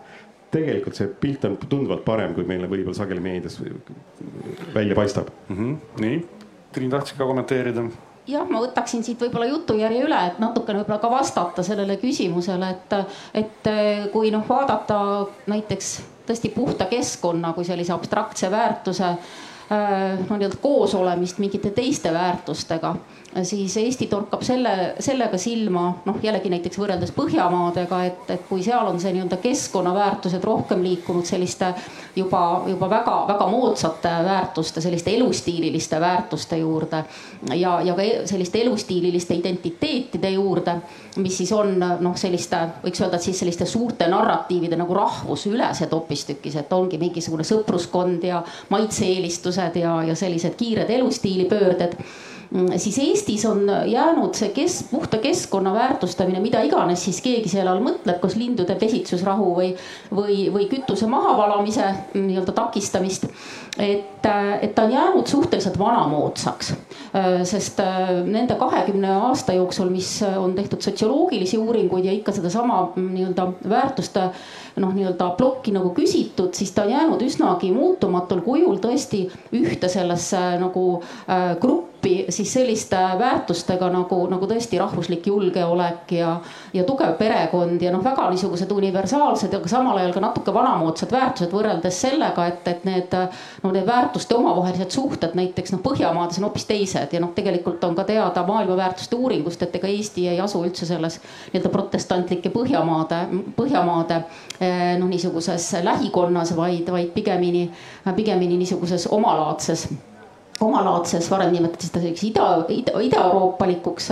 nüüd on see puhtalt selline nii-öelda Balti, Balti piirkond nii-öelda väärtusruumis mm. -hmm. et mõnes mõttes on see hea ja mõnes mõttes halb, et ilmselt see, et ta on nii-öelda väga tugevalt seotud tõesti meie rahvusliku julgeoleku ja muude selliste suurte narratiividega siis ilmselt ongi võimalus väga kiiresti nii-öelda lasta ennast üles kütta ja, ja pugeda kaevikutesse, sest noh, ma ei tea, rahvuslik julgeolek ja vabadus on ohus nende keskkondlike väärtuste näol, aga teiselt poolt on see ka hea, et on jäänud nii-öelda jutumärkides vanamoodsasse asendisse teiste väärtustega võrreldes. et see tegelikult annab meile ka võib-olla natukene suurema sellise mobiliseerumise ja, ja tõesti sellise ühise tee ja ühise, ühise loo äh, ja, ja vanade, vanade vaenude äh, otsimise potentsiaali, aitäh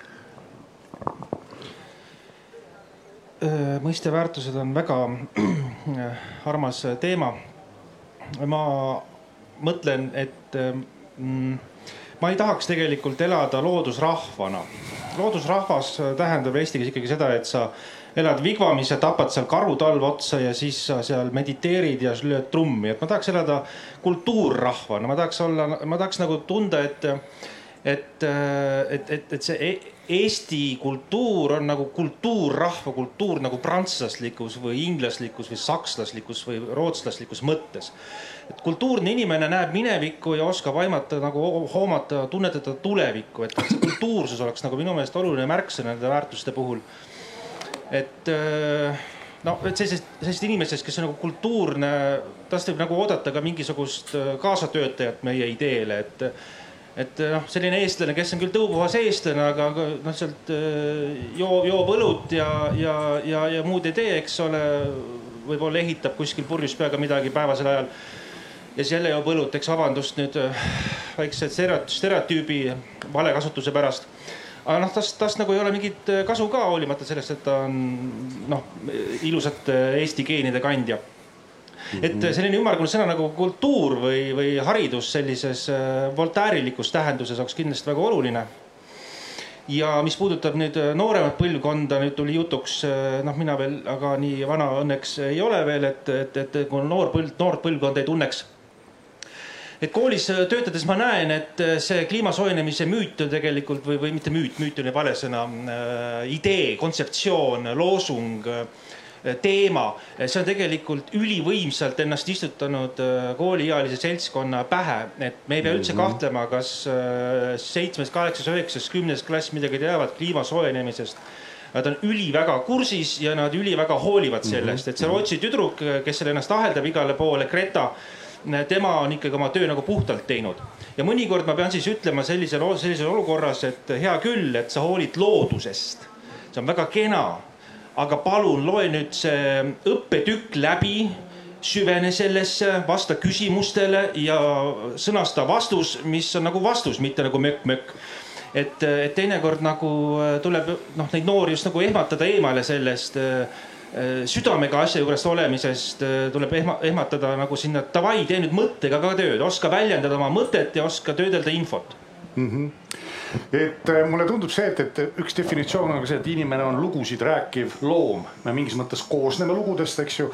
ja nüüd meie identiteet koosneb ka mingitest lugudest ehk siis seda, et, et me siin vahepeal eestlased hakkasid juba peaaegu uskuma seda, et, et me oleme digirahvas me oleme praegu muide natukene maha jäänud, mida näitas see viimane Dubai EXPO, kuigi väga paljud seal nii-öelda meie EXPO külalised ahetasid ja ohetasid, issand hoia, mis te kõik olete kokku keeranud ja kui, kui uhke ja põnev see kõik on.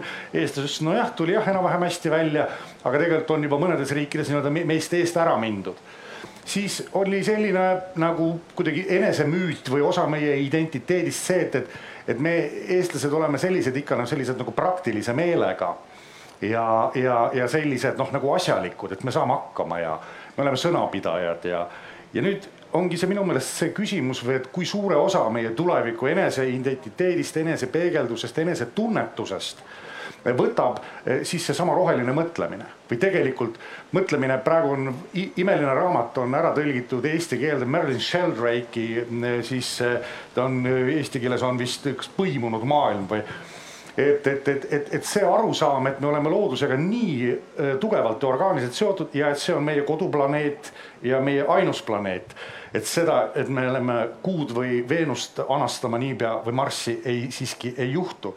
me peame aru saama, et me äh, töötame siin piiratud äh, olude keskkonnas, seega mm, kolmkümmend aastat tagasi, kui oleks Lennart Meri ja Mart Laar öelnud Eesti rahvale, kuulge sõbrad meie põhiline ja ainus eesmärk on muutuda roherahvaks.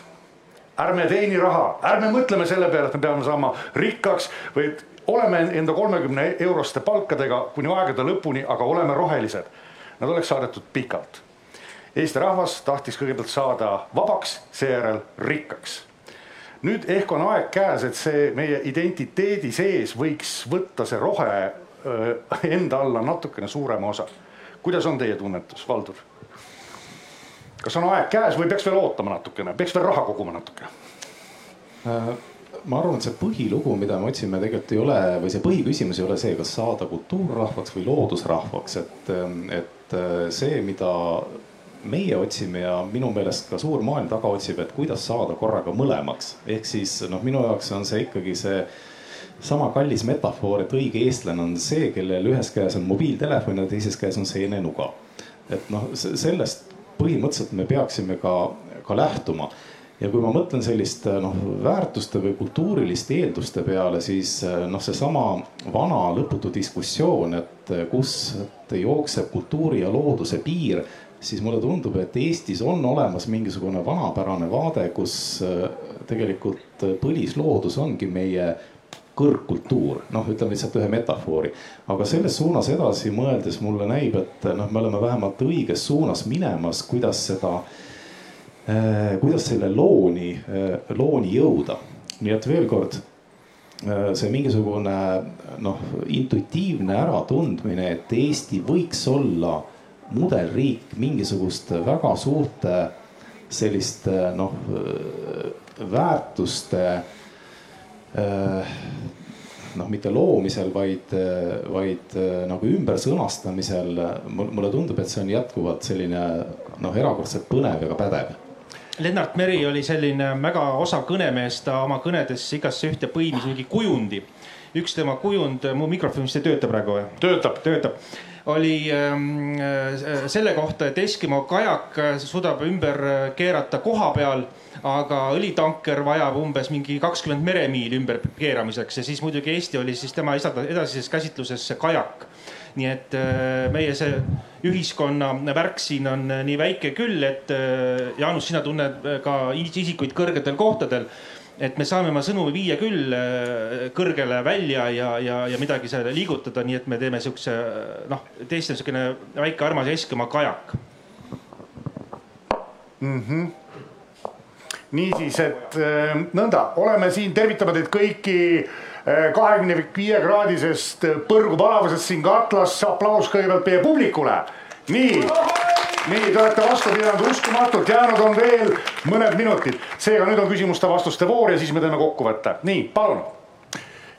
ja samal, nii, kas sa näiteks kelle teise poole või tahad ise rääkida veel kord? ma, ma tahaks küsida ka. palun mulle väga meeldis, et tuli üks koht, ma lihtsalt arutan väga teiega kaasa, ma ei mõtle ka mm -hmm. kaasas, sellepärast ma küsin rohkem. et, äh, et see Greta koht, väga hea äh,. ma, ma õpin, ma õppisin muutust juhtimist ühiskonnas mm, -hmm. Triin oli professor ja seal üks koolitöö käsitles mehi ja nende tarbimisharjumusi ja seda, et, et, et kuidas neid vähem liha tarbima suunata. Ja meil tekkis väga põnev arutelu sellest, kuidas tänapäeva viiekümne pluss aastased mehed, kuidas ühi, ühiskonnas nad järsku kõik, mida nad teadsid või mis nende identiteeti kuulus on järsku vale. Nad ei tohi enam nii palju liha tarbida, nad ei tohi neiukestele äh, seksuaalseid lähenemiskatseid teha, inetuid. Nad ei tohi äh, rääkida äh, seksuaalvähemustest koledate sõnadega.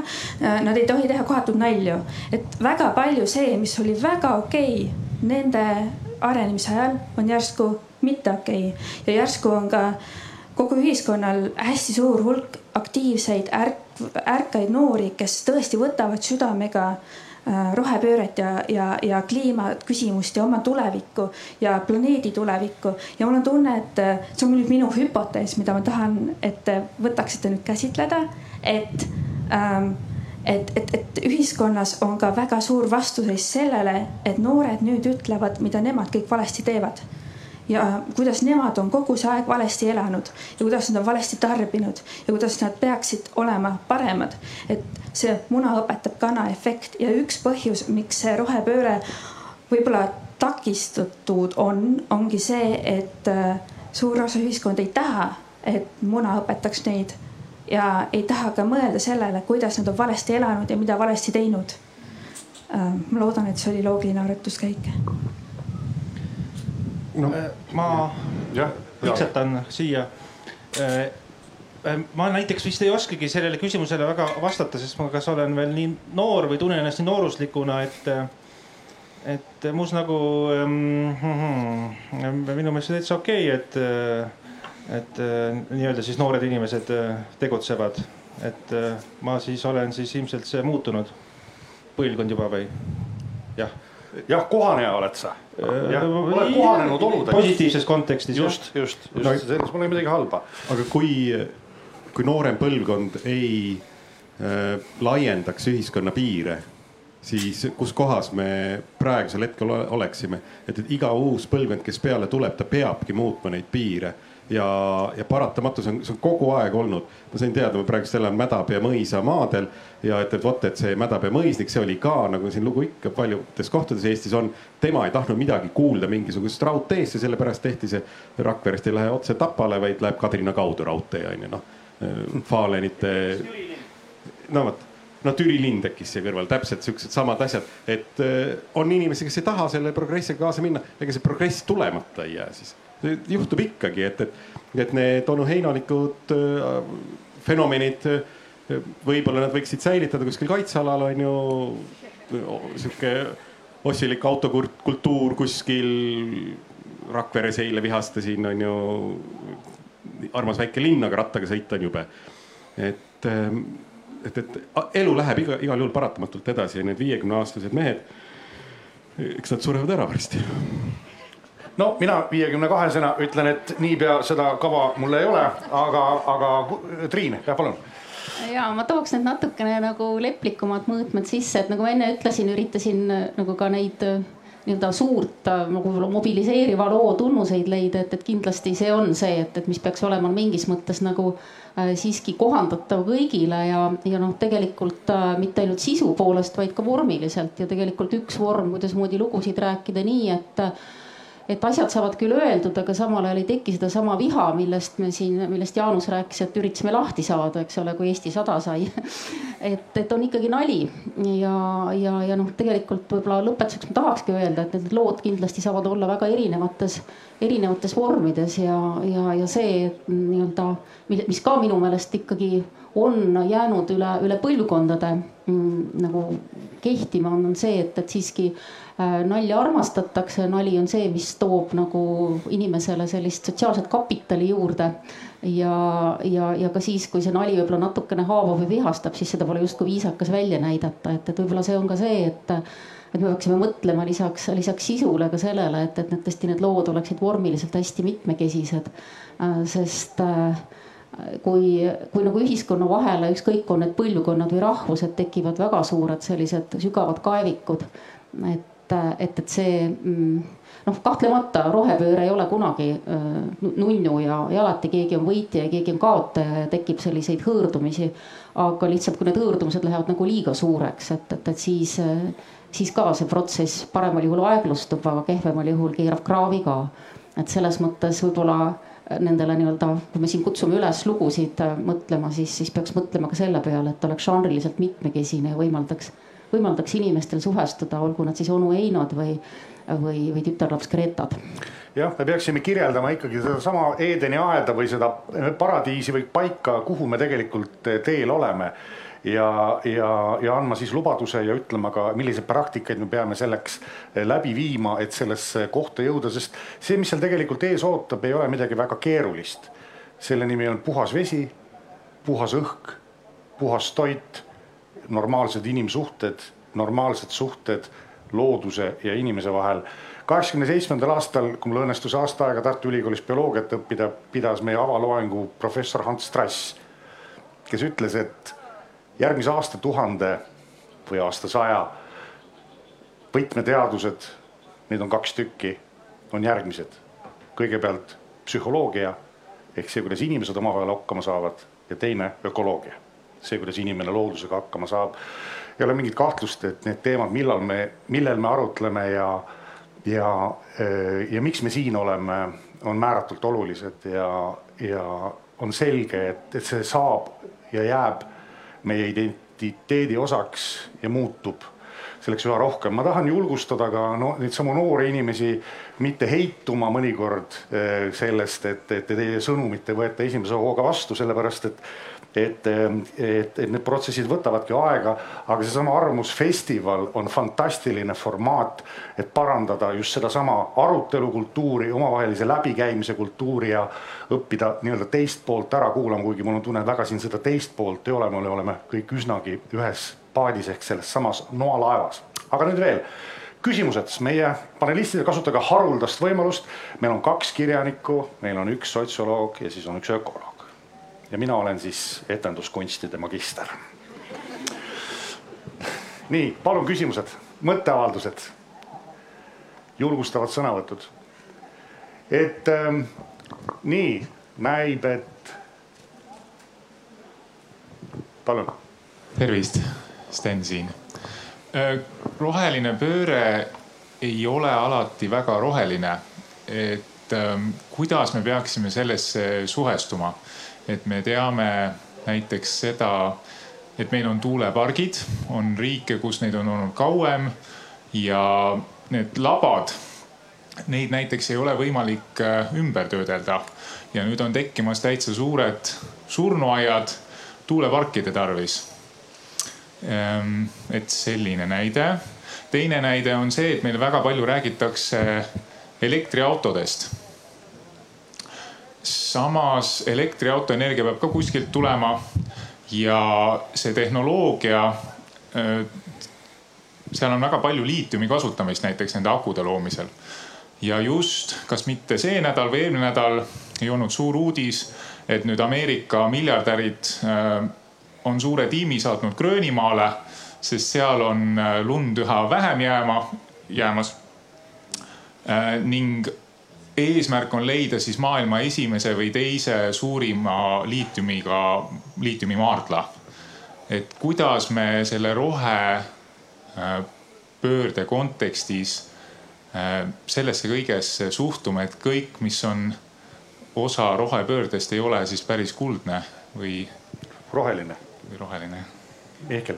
ja ma võin sellele vastata ühesõnaga, et kui me läheme nagu seda teed, et me arvame, et, et me saame praeguse tehnoloogia asendada lihtsalt mingisuguse uue tehnoloogiaga, siis me läheme, põrutame täiesti selgelt vastassuunas. meil ei ole maakeral olemas nii palju liitiumi, et selle abil luua patareid, mille abil on võimalik asendada kogu maakeral sõitev autode park meil ei ole lihtsalt maakeral see nii, nii suurt liitiumikogust olemas. selleks, et asendada praegusel hetkel kogu autode park äh, äh liitiumiga, liitiumpatareidel sõitvate autodega äh,, läheks meil vaja äh, kahe tuhande kaheksateistkümnendal aastal teadaolevatest ressurssidest nelikümmend protsenti. kümne aasta jooksul tuleks need asendada, kahekümne viie aastaga oleks kogu meie liitiumiressurss maakeral kasutatud see, et, et me loodame, et, et me saame mingisuguste uute tulevikutehnoloogiate abil ära lahendada meie käes olevad probleemid, on meie jaoks ökoloogiline lõks selles mõttes, et me asetame lootused, et, et tulevased äh, põlvkonnad mõtlevad välja selle lahenduse sellele jamale, mille meie oleme kokku keeranud. samas me jätame neile tunduvalt kehvema keskkonna, milles nad peavad toimetama, kus nad peavad leidma nagu lahenduse, nad peavad tunduvalt enam panustama äh, enda siis põhivajaduste rahuldamiseks aega ehk et seda ressurssi, et tegeleda enda kui kultuurrahva arendamisega, on neil tunduvalt vähem, mis tähendab, et neil on tunduvalt vähem ressurssi, et välja mõelda uusi tehnoloogiaid. meie peame need tehnoloogiad ära lahendama, need, need kitsaskohad ära lahendama nende variantide piires, mis meil praegusel hetkel on. selline rohepesuline uduhõnguline kujutelm sellest, et, et meil kusagil on mingid tohutud äh, lahendused olemas, välja arvatud see, et, et tõmmata kõvasti-kõvasti tagasi.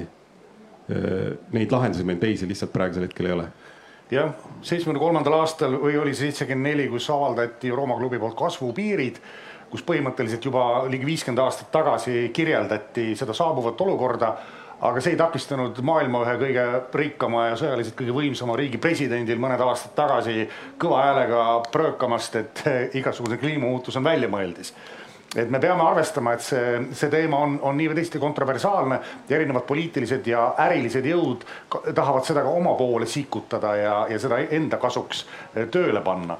et see, see kindlasti käib ka sellega kaasas, aga, aga see ei tähenda seda, et, et eesmärk ise vale oleks. et nii, palun Jaak märksõna autod muidugi viib selleni, et me saame kõik hakata kohe täna ja homme midagi tegema, rääkimata siis äh, igasugustest elektriautodest tulevikus äh,. noh, mina ise autot ei, ei juhi ja noh, mind ümbritsevad õnneks inimesed, kes juhivad aga kuna ma ise ei juhi, siis ma kasutan väga palju ühistransporti ja käin jala. Ja olen märganud, et tegelikult äh, no see tuli varem jutuks välja, et näiteks lapsevanemad viivad oma lapsi täiesti mõttetult kooli, eks ole, automootor undab, liiklus ummistub. Et tegelikult meie ümber on väga palju sellist liiklus, äh, tarbetut liiklemist tänavatel, sellist tühisõitu hommikul kontorisse selleks, et seal lihtsalt ülemusele nägu näidata, viia mingisugune mutter kuhugi teise linna suure kaubaautoga, eks ole. Äh, noh, nende näideteni välja, et eks ole, ostad pudeli vett, mis on ei tea kus pudelisse pandud ja nii edasi, et et tegelikult äh, ühistransport ja läbimõtestatud äh, sõidukultuur selles mõttes oleksid ka nagu küllalt rohelised sellest, sellel teemal minu, minu meelest. Jah, siin on ka see, need paradoksid, et noh, tellida endale Jaap-, siis Hiinast internetipoest üks jumbo pakk õhupalle nad siis eh, lendavad lennukitega, sõidavad vuravad autodega, siis nad jõuavad sinu juurde, sa puhutad täis ja teed katki need. et noh, mis sa said sellest, et, et, et ka ma usun, et meie, meie kõigi nagu ühine äh, ka äh, kuidas öelda, töö võiks olla kirjeldada ka meile endile pidevalt ühiskonnas neid praktikaid, mis meid õnnelikuks teevad. et tõesti selle hulka kuulub nii-öelda mitte osta kasutuid asju või et vähem tarbida tegelikult, et see, see oleks ju küll miski, milles, milles me võiksime kõigepealt iseendale eeskujuks olla ja siis võib-olla tervele planeedile. Ja kirjanik kohe mõtleb välja muidugi ka igasuguseid lahendusi, sest ütleme, no minu isikuomaduste juurde käib see põhimõte, et ära otsi nagu põhjusi, miks seda teha, otsi lahendusi, kuidas saab teha, võiks välja töötada sellise kalendri, kus iga päev on millegi tegemise päev ja noh, selline kalender maailmas on olemas, vee joomise päev ja äh, tähesõdade filmipäev ja nii edasi. et võiks olla näiteks Eesti äh, selline rohekalender, et ütleme täna näiteks noh, käin jala, järgmine päev pudelivett ei joo, ülejärgmine päev istun päev otsa pimeduses, siis näiteks ei tee ühtegi kassipilti Instakasse ei pane ühtegi uut pilti, ei like'i internetis mitte midagi. et, kõik siuksed pisike, ütleme täna koibikut ei tapa või, või täna harkjala peale ei, ei, ei hirmu. eks ole, et sellised pisikesed asjad nagu aitavad, aitavad ka nagu tulevikku rohelisemaks muuta. kas see on paberkalender või on see digikalender või? Eh, see on Vikipeedias asuv kalender, mis on inimestele aastate, tuhandete jooksul hakkab pähe kuluma selge, suurepärane mõte, eks ju, selleks, et Eesti muutuks äh, nii-öelda globaalseks äh, roheteema eestkõnelejaks, alustame rohekalendrist. nõnda, kas veel paariks küsimuseks on aega, kas keegi tahab midagi omalt poolt lisada, midagi küsida? palun jah, siin kõigepealt seal üleval, vabandust, jätame meelde siin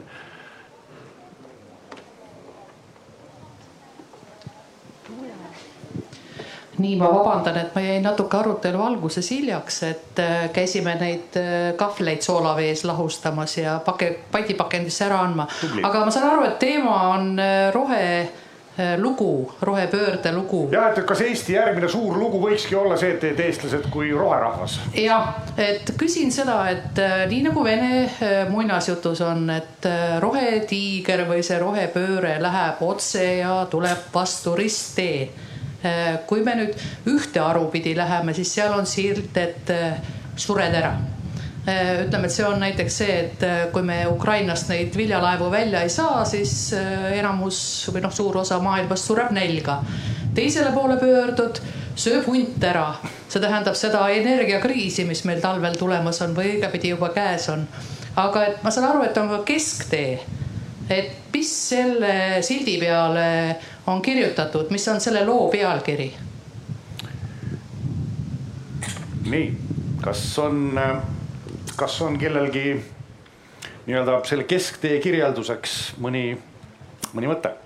ja küllalt sageli keskendume nagu selle tuleviku kirjelduste peale, et, et, et see noh, kõik tundub nagu tohutult äh, tume ja, ja õnnetu ja, ja kohutavalt raske ja elektrit ei ole ja, ja, ja kõik lülitatakse välja et, et aga äkki meil on võimalik nagu keskenduda sellele, et, et, et, et mida positiivset see, see võiks meile ju äh, iga kell tuua, et, et need väiksed äh, näited, mida Jaak nagu välja tõi, et, et, et see, see teeb igal juhul selle inimese päeva kohe helgemaks äh,. mina ise olen üliõpilastega rakendanud seda, et, et nad peavad äh, minu loengu vältel harjutama endale külge mõne roheharjumuse, midagi teha pidevalt äh, ilma meelde tuletamata, et, et kujundada sellist käitumist, aga et, et see õnneliku äh, elu elamine ilma suurema tarbimiseta, see saab olla noh, tegelikult on ta ökoloogilises mõttes ainus lahendus äh, aga, aga see võiks olla ka meie loo nagu, nagu kesktelg, et, et, et, et kuidas olla õnnelik ilma, et, et sa ülejäänud maailma ära ei põletaks. jah ma usun, see, see nii ongi, kõik algab meist endist. ma, jah, ma mõtlesin siiski välja selle kesktee sildi peale veel, seal võiks vaata, et, et sa ütlesid jah, võtsid selle umbes niimoodi kokku, ma sõnastaks selle nii, et täit-, mm, rahulda oma esmased vajadused ja jälgi, kas inimesed sinu ümber ka saavad need rahuldatud, kui ei, siis aita ja edasi vaata juba eh, jooksvalt. jah, et tee endale selgeks, mis on sinu tahtmised ja mis on sinu vajadused ja inimesed on muidugi ka sellised, et mõne jaoks on ikkagi see nii-öelda see vajadus on selleks väikseks eralennukiks, eks ju. et eh, noh, ma ilma selleta olen nagu õnnetu. kui ta on nii halva iseloomuga, et ei saa teistega lennata, siis miks mitte. jah, just selge, palun, aga siit on üks küsimus. tere, Anett olen mina, aitäh väga põneva arutelu eest ja ma just tegelikult eh, siitsamast eh, jätkakski edasi, et noh, minu jaoks on nagu selge või arusaadav, et mis see lugu võiks olla sellele inimesele, keda tõesti motiveerib äh, õnnelikkus ja selline mm, hea ja puhas õhk ja noh, tore nagu elukeskkond, eks ju. aga et mis see lugu võiks olla nendele inimestele, kes, äh, keda nagu elus juhivad ahnus ja, ja näiteks ka nagu hoolimatus, et noh, kui ennem Mihkel Kangur ütles et, et üheksakümmend seitse protsenti Eesti inimestest hoolib metsast ja hoolib äh, lindude pesitsusajast, aga kolm protsenti mingil põhjusel ei hooli ähm, noh, see on nüüd küll väga nagu selline ränk järeldus, aga neid ilmselt äh, juhib ahnus seal taga. et kuidas nendega, kuidas nendele, mis nende lugu võiks olla? aitäh. mina ütleks siitpoolt endise riigiametnikuna ja riigiteenistujana, et, et selleks on seadused et äh, kui, äh, kui me oleme midagi ühiskonnana kokku leppinud ja need muutunud seaduseks, siis seadused on täitmiseks. Neist muidugi on alati mingid kõrvale, kõrvale nihverdamise võimalusi ka, aga teine on ähm, ühiskonna selline seesmine äh, nagu eetiline väärtuskaart ehk et, et kui sa ikkagi, kui kogu ühiskond nii-öelda avaldab põlgust või, või, või nii-öelda ei tolereeri seda käitumist, siis, siis on seda ka, neid praktikaid ka väga raske viljeleda. Aga noh, et ideaalset maailma ei ole olemas ka, ma usun, kõige demokraatlikumateski ühiskondades on alati ka neid, kes, kes omakasupüüdlikult käituvad. nii, jah, Mihkel. ma lisaks siia juurde, mida Jaanus üles luges enda nagu sellise viimaste aastate lemmikteema, et äh, süsteemmõistelise mõtlemise toetamise, toetamine või süsteemmõistelise mõtlemise oskus võiks olla see, mida me kõige selle äh, noh, südamega tehtava juures äh, evida võiks, ehk et see inimene, kes saab aru, kuidas toimib kliima, mida tähendab kliimamuutus, mida tähendab kliimasüsteem ja selles toimuvad katastroofilised muutused, ei saa olla noh, vastu rohepöördele, ütleme siis või, või kliima noh kaitsmisele. et ta, ta ei saa olla lihtsalt, et see läks täielikult vastuollu tema noh sisemise toimimise loogikatega mm. -hmm. jah, Valdur ja no mina olen seda meelt, et äh, nendel inimestel, kellel on totaalselt teistsugune lugu, et, äh, et noh, neid ei peaks kuidagi hakkama nagu ümber pöörama, et äh, noh, nende jaoks on võib-olla üks veel üks fenomen, mis Eestis siiski aeg-ajalt nagu toimib, on seesama vot siis, kui on laulupidu jälle üle pika aja ja, ja noh, kogu see introvertne rahvas äkki näitab kohutavalt sellist organisatoorset võimekust, äh, noh, niisugune tohutu tsiviilkaitseõppus, kümned tuhanded inimesed toitlustatakse ära, et noh, täitsa uskumatu, kuidas see nagu toimib. ja siis hakatakse laulma Mesipuud ja vot siis just seisavad kõrvuti onu Heino ja ja, ja väikesed lapsed, kes on mures rohepöörde pärast ja, ja saja-aastane tädi Maali ja noh, neil ei ole nagu sellist nagu konflikti, et ühesõnaga ma tahan nagu öelda seda, et, et Eestis justkui on sellist noh, vaba sellist kasutamata potentsiaali, et see mesilaspere niimoodi sumiseb ja sumiseb, aga vot sel hetkel, kui mesilasema lendab talust välja, siis kogu see mesilaspere nagu lendab talle nagu järgi. ja noh, see võiks olla nagu selline ideaal, et, et noh, me usume, et see mesilasema ikkagi lendab sealt talust välja ja küll ta lendab mm. -hmm.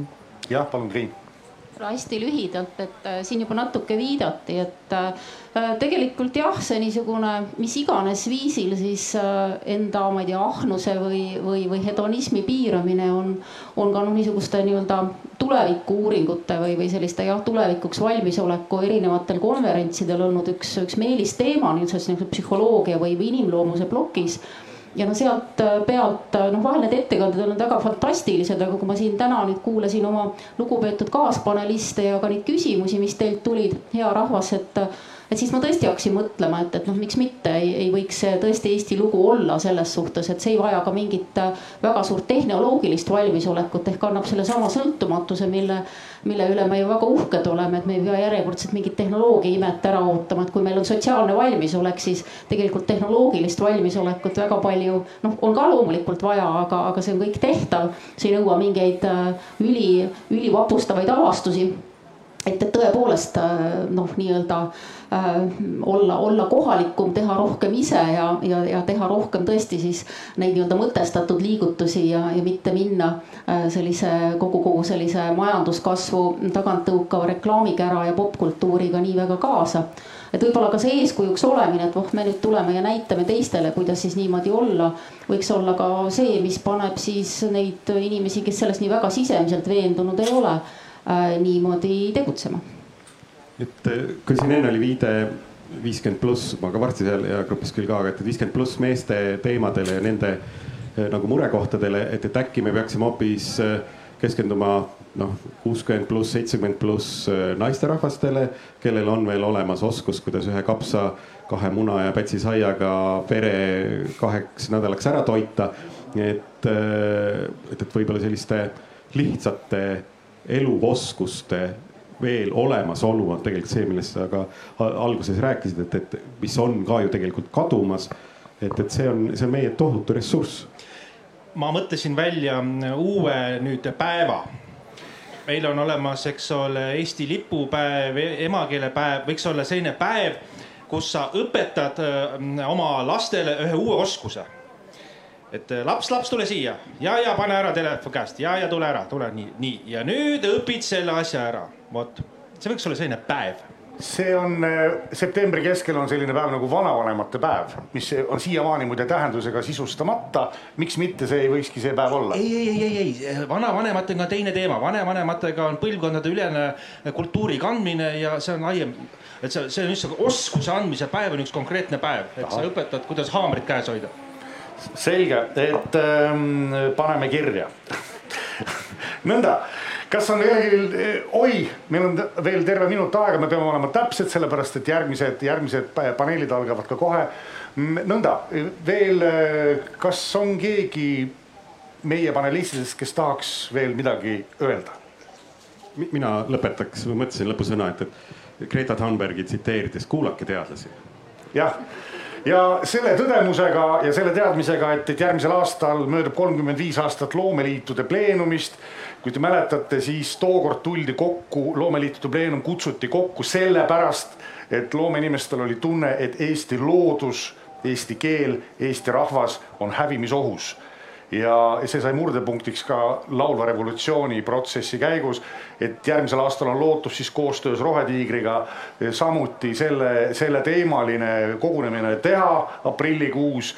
et aga kindlasti, kindlasti juhtub selle aasta jooksul ja järgnevate aastate jooksul selleteemalisi kokkusaamisi, mõttearendusi ja mis peamine, peamine tegevusi üha rohkem ja rohkem. ma tänan südamest meie paneliste ja meie korraldajaid, Rohetiigri seltskonda ja meie publikut, aitäh. Te pidasite vastu, te olete super, aitäh.